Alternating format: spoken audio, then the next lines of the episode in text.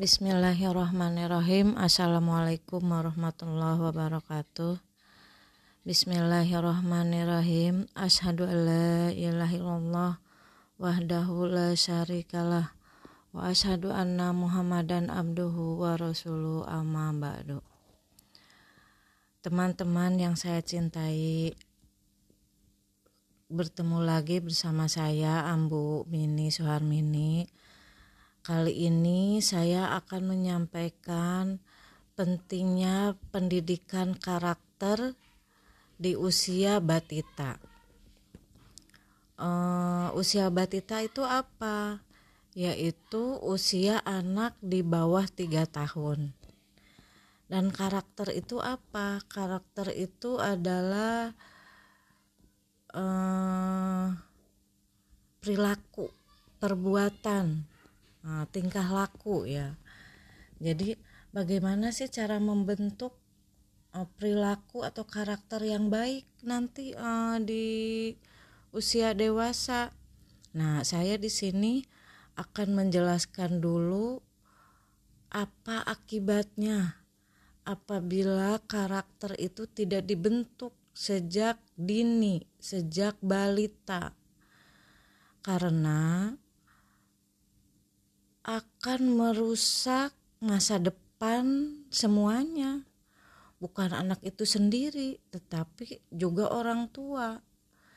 Misalnya, anak itu tidak bisa bilang tidak, atau misalnya mau mainan kalau masih kecil ya, mau mainan harus diturutin, atau mau makanan, makan apa aja harus diturutin, nggak bisa bilang tidak jadinya kalau enggak diturutin dia ngamuk. Maki-maki sampai nangisnya tantrum. Udah kayak apa ya sampai geger gitu. Sampai sambil teriak-teriak sambil caci maki sambil apa. Karena anak usia batita itu anak yang eh, baru mendengar kata apa aja dia langsung diikutin. Apalagi namanya eh, berkata-kata binatang atau berkata kasar kepada orang tuanya supaya dia memancing emosi orang tuanya sehingga apa yang dia inginkan diturutin. Nah, akibatnya apa kalau nanti dewasa?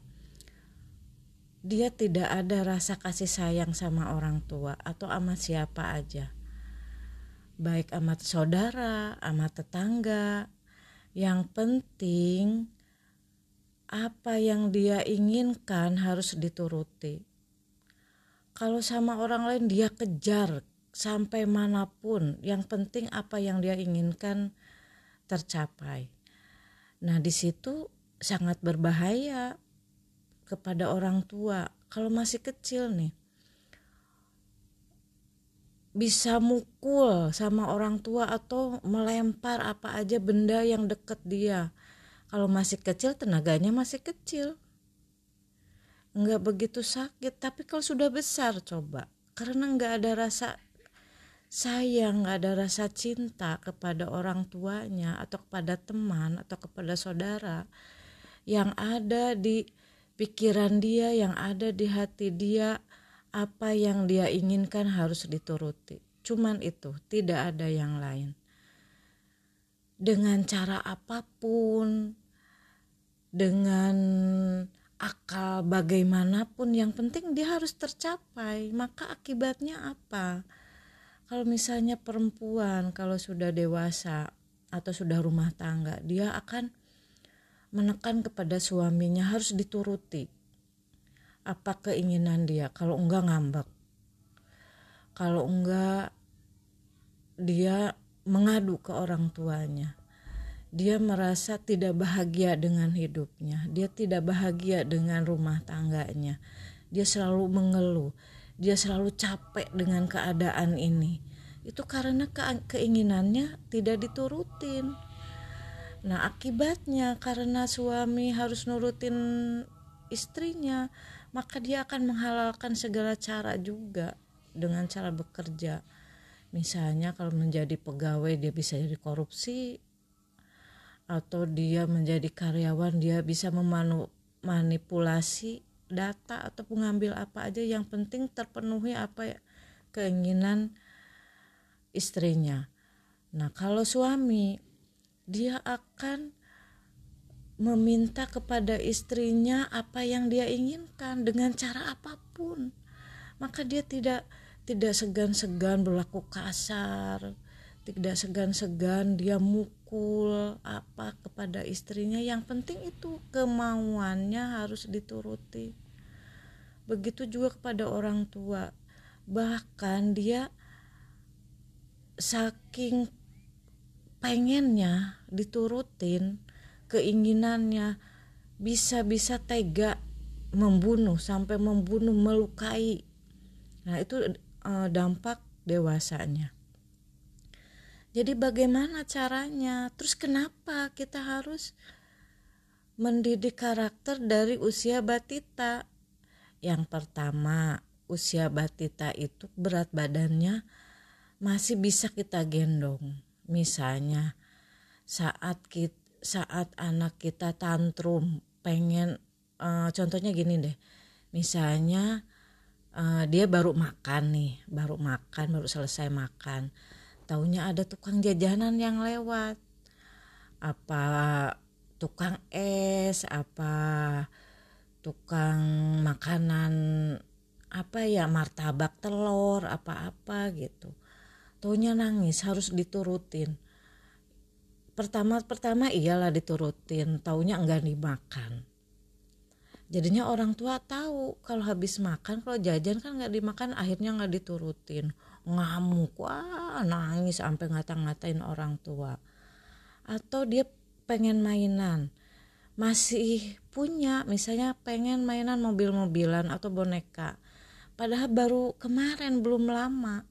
Eh ada lewat tukang mainan. Dia nangis pengen. Sama tantrum kayak begitu. Nah caranya bagaimana? Caranya anak lagi nangis tantrum kayak begitu kita gendong kita bawa kita bawa masuk ke dalam kamar. Lalu kita kunci. Jangan anaknya dikunci sendirian tapi dikunci bersama kita berdua sama ibu anak sama ibu di dalam di dalam kamar. Mau nangis bagaimana mau guling-guling bagaimana yang penting di dalam kamar. Di dalam kamar itu ke satu tidak kotor jadi tidak membahayakan anak.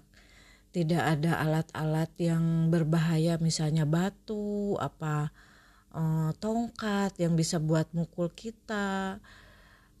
Terus di dalam itu tidak ada yang melihat tidak ada yang campur tangan misalnya ada tetangga. Kadang-kadang kan tetangga suka uh, iseng aja gitu. Misalnya kenapa nggak dibeliin sini sini? Ibu beliin nih uh, ada kan ada aja yang ngebela.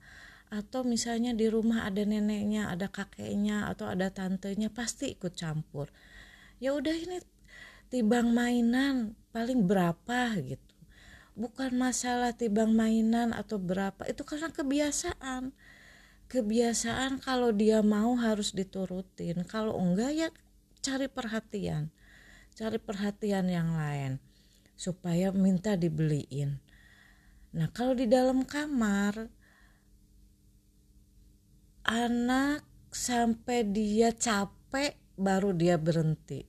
Nah selama anak itu nangis di dalam kamar lalu kita jangan lupa minta tolong sama Allah kita bacakan sholawat kita bacakan doa-doa.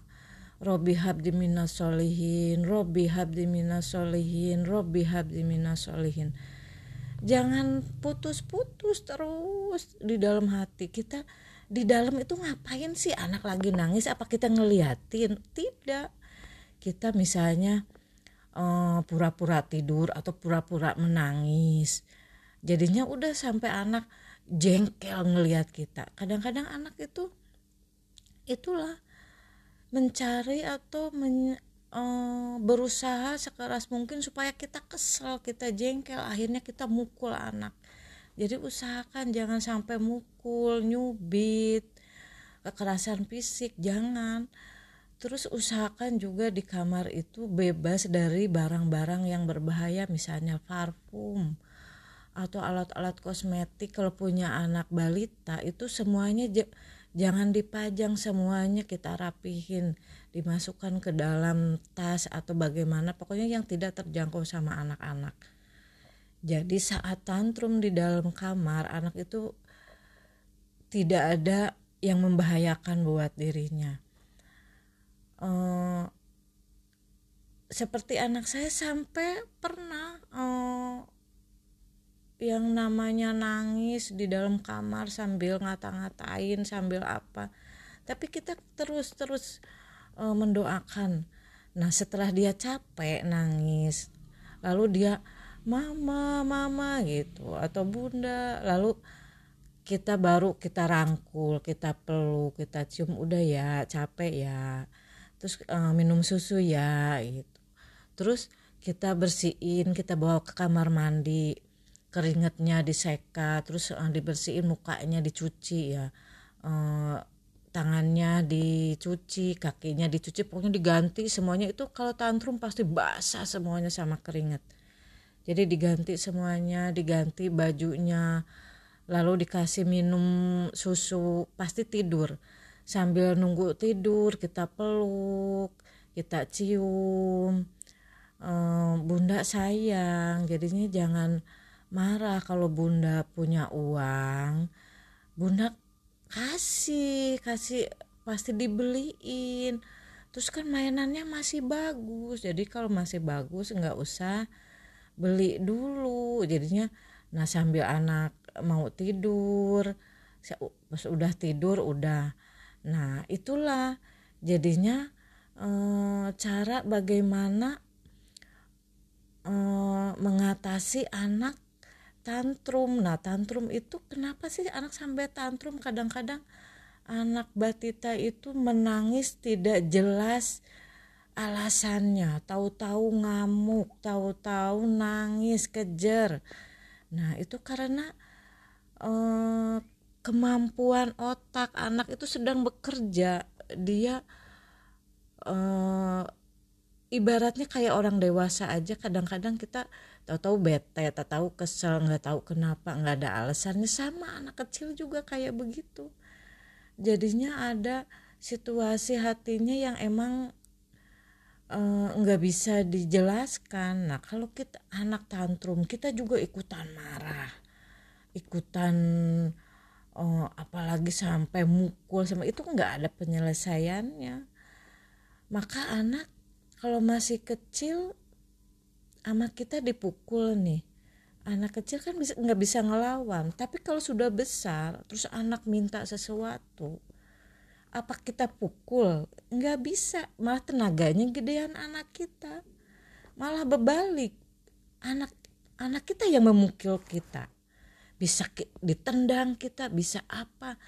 Nah kalau sudah besar karena dia juga punya punya rasa nggak tega sama orang tua pasti sambil minum lah, sambil narkoba lah, baru berani ngelawan sama orang tuanya.